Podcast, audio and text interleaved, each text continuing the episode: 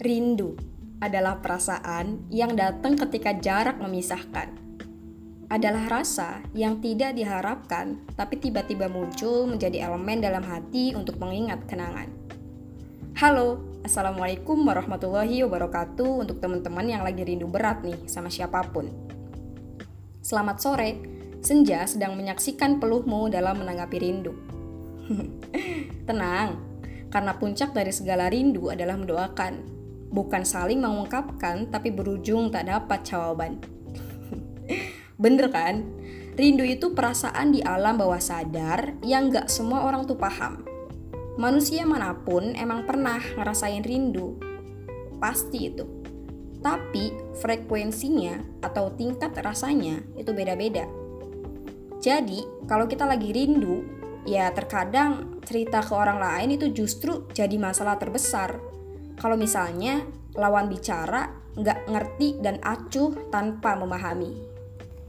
Lah, terus kalau nggak ngungkapin harus apa dong? oke oke, lebih sering mana? Lega setelah cerita ke orang lain atau lega setelah berdoa? Rindu itu soal perasaan yang nggak banyak orang lain paham. Makanya, dengan doa akan jauh membuat kamu lebih lega. Dengan doa pun kamu nggak perlu pakai kata-kata yang rinci, rapih, atau bahkan diksinya dibagus-bagusin. Cukup mengadu kepada Allah. Terus dengan doa pun kamu nggak perlu lagi tuh ngemis jawaban kepada dia yang kamu rindukan. Karena dengan mendoakan akan selalu dapat jawaban.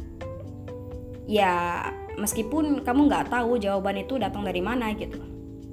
Tapi bentar deh, kok aku udah doa gitu ya?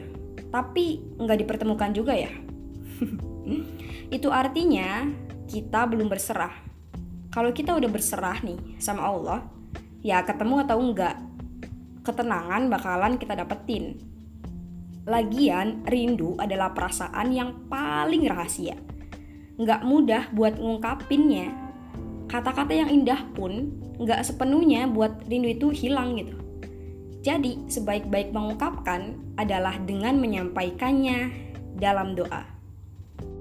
Akhir kata, semoga kita belajar hal yang baru hari ini. Dah.